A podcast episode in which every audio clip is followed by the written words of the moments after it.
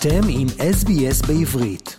לעוד סיפורים מעניינים, כנסו ל-sbs.com.au.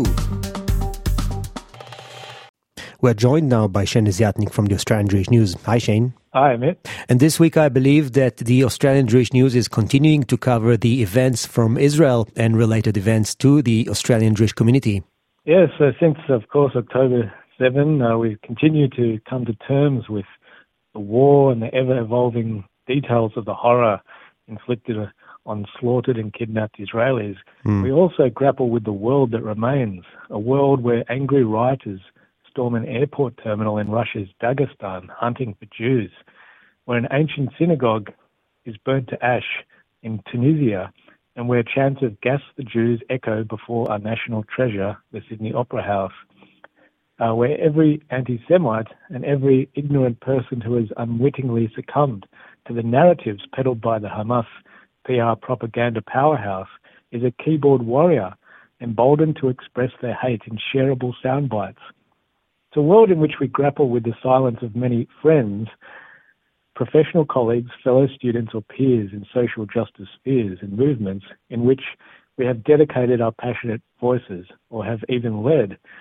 Yet, despite all this, across the country, Jewish Australians have stood defiant, declaring we won't be cowed by rising anti Semitism or anti Israel demonstrations.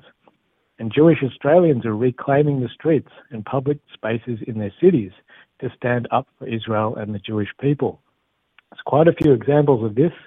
In Sydney, over 4,000 members of the Sydney Jewish community, many clad in blue and white, gathered at Martin Place on Sunday morning to demand the release of the Israeli hostages in Gaza before marching peacefully with flags and posters to First Fleet Park at Circular Quay. There they sang songs of peace against the backdrop of the Opera House, where just three weeks earlier a mob had chanted, Kill the Jews.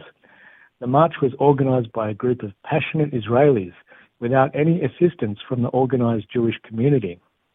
The organizer, Avi Efrat, told the crowd, The reason we are doing it in the center of the city is to give back the confidence to the Jewish community in Australia and in Sydney. He said, We are not going to be scared. We've come here to say what we have to say. With less than 48 hours' notice on Monday afternoon, more than 225 people congregated in Dudley Page Reserve in Dover Heights to lend their voices to a worldwide singing mashup by global initiative Kululam, raising awareness of the Bring Them Home Now campaign. The recording will be combined in a global musical video to be released by mid November that will inspire harmony in all humanity and show the world we hold the hostages in our hearts, the spokesman for the group said. On Friday, a moving installation of shoes and balloons representing those who were kidnapped by Hamas was set in Double Bay. Uh, we wanted to do something to take some real action and tell the world, Vivian Tolston, who helped to organize the display, told those present. That same evening, a crowd of almost 1,000 people gathered in Centennial Park for a pre Shabbat service to pray for the return of the hostages. Uh, shifting to Melbourne, in Caulfield Park, over 400 people gathered on Sunday in solidarity for Israel with one demand bring the hostages home now. The show of support is the fifth gathering since the war began. Meanwhile, on Friday, a group of 30 Melbourne women staged a poignant demonstration on the steps of Victorian Parliament House, drawing attention to the Israeli babies and children kidnapped by Hamas. Draped in an Israeli flag, every woman was accompanied by an empty stroller, each holding a poster depicting the face and name of the kidnapped child. The powerful display went viral on social media in Australia and across the world. Further underscoring the imperative of releasing the young hostages, three Melbourne mothers, Kate Lewis, Jess Clark, and photographer Cara Mand, created and captured an installation of 20 empty beds, each marked with the name of a kidnapped child and a small pair of shoes. There's also grassroots initiatives, united with Israel, Australia, and New Zealand. They joined forces with Oz Team Aid Relief to send shipments of goods to Israel. The next delivery consists of 800 boxes of clothes, school supplies for children, and nursing product, products for mothers. And additionally, A plethora of WhatsApp groups have sprung into action, organising teams to plaster kidnap posters across Melbourne and coordinate efforts. And as the Jewish News went to press on Wednesday, a balloon display took place at Federation Square, uh, where Palestinian flags, of course, had flo- flown the Friday before. While plans were well underway for the Shabbat project's Keeping It Together for Israel event, a communal celebration to be held on Friday in Melbourne. Mm-hmm. Uh, and just quickly in Brisbane, yeah. Queensland Jewish Board of Deputies set up a Shabbat table installation with 220 empty chairs in King George Square last Friday morning. In Byron Bay, there was a demonstration for the Israeli hostages. And in Perth, there was a pro Israel rally organised there with a very good attendance. Mm. Thanks for the update. Tell us about the open letter that was signed by six prime ministers in Australia condemning Hamas. Yes, so an open letter signed by six former Australian prime ministers condemning Hamas and expressing support for Israel and Australia's Jewish community has been welcomed by Jewish community group bodies. In their joint letter, John Howard, Kevin Rudd, Julia Gillard, Tony Abbott, Malcolm Turnbull, and Scott Morrison said there is no place for racial or religious hatred in Australia, while they also called for the unconditional release of all the hostages taken by Hamas. The Hamas terrorists sought to horrify and intimidate the people of Israel, shaking that nation's faith in its technology, its military, its government, they said in the letter. But they also sought to provoke Israel into a reaction that would kill countless innocent civilians in Gaza. And the Hamas terrorists have no more interest in the safety of Palestinians than they do of Israelis. They want Israel to invade and bomb Gaza, and they want to be able to point to thousands of Palestinian casualties from Israeli military action. The letter concluded our Australian Jewish community, directly affected by the terrible crimes of Hamas, not only has to endure the loss and suffering of their families in Israel, but now sees these events being used by some to spread ancient hatreds which have inflicted so much suffering on the Jewish people for thousands of years. Mm. You know, it's really heartwarming to see those prime ministers of Australia signing this letter. I mean, I do not know of any other country that took similar actions in supporting Israel against Hamas as Australia did. Also, it's a very interesting support coming from both political parties.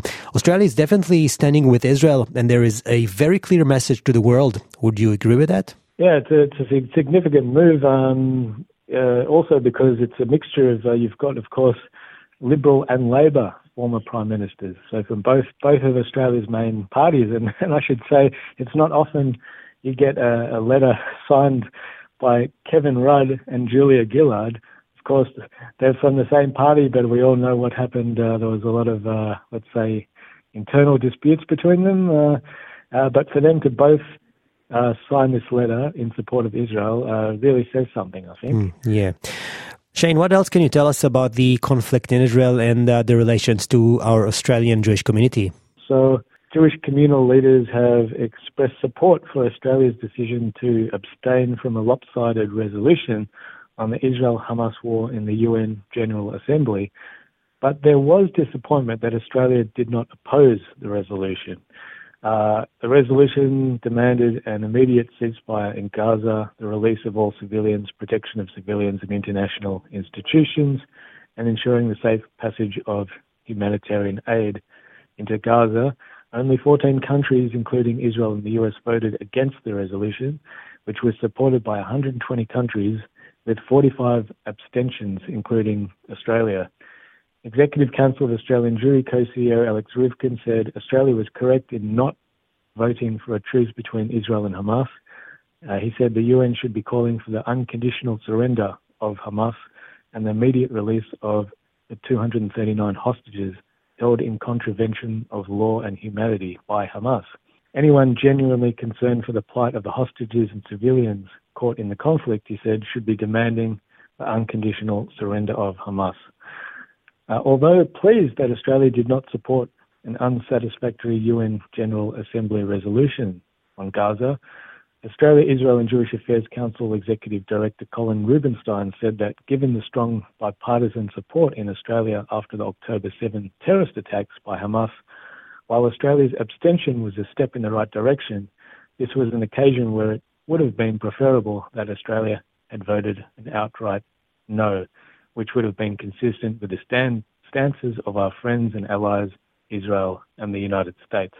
Uh, but he did acknowledge that Australia had supported a positive Canadian amendment, which included a condemnation of the October 7 terrorist attacks by Hamas and an unsuccessful demand for the release of the abducted hostages. And I have to update you and our listeners that as of this moment, there are 242 confirmed hostages and 40 are still missing. Shane, let's finish off with something positive. Any positive news, as hard as it may sound? Sure. So, uh, Chabad of Bondi's Rabbi Eli Schlanger says he came back from a quick trip to Israel uh, last week with one mission. He said, and that is to tell the Jewish people of Australia, thank you on their behalf. Thanks for the strength, the courage, and everything that you're doing here in Australia to support us. With you, we don't feel alone.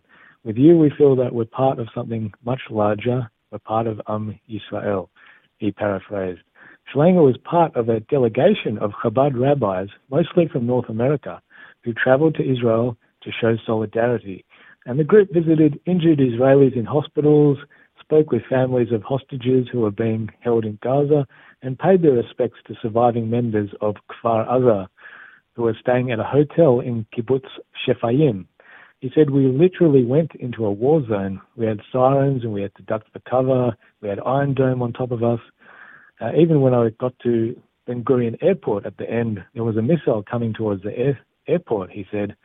But he described the sense of unity in Israel in the wake of October 7. He said, It's just one nation, you feel it from the moment you arrive. He told of visiting soldiers at a base near the Gaza border where the troops were literally ready for their call to go in. We made a massive barbecue for them and lots of music, and we just schwitzed the entire night, dancing with them, hugging with them, and they were so grateful that we came all the way from overseas to be able to give them that strength. Uh, he said they they all said together, "We cannot thank you enough for coming here. Shane Desiatnik from the Ostragish News, thank you so much for your time this week, and I'll speak to you again next time. Ah, you're welcome, my pleasure. עקבו אחרינו והפיצו אותנו דרך דף הפייסבוק שלנו.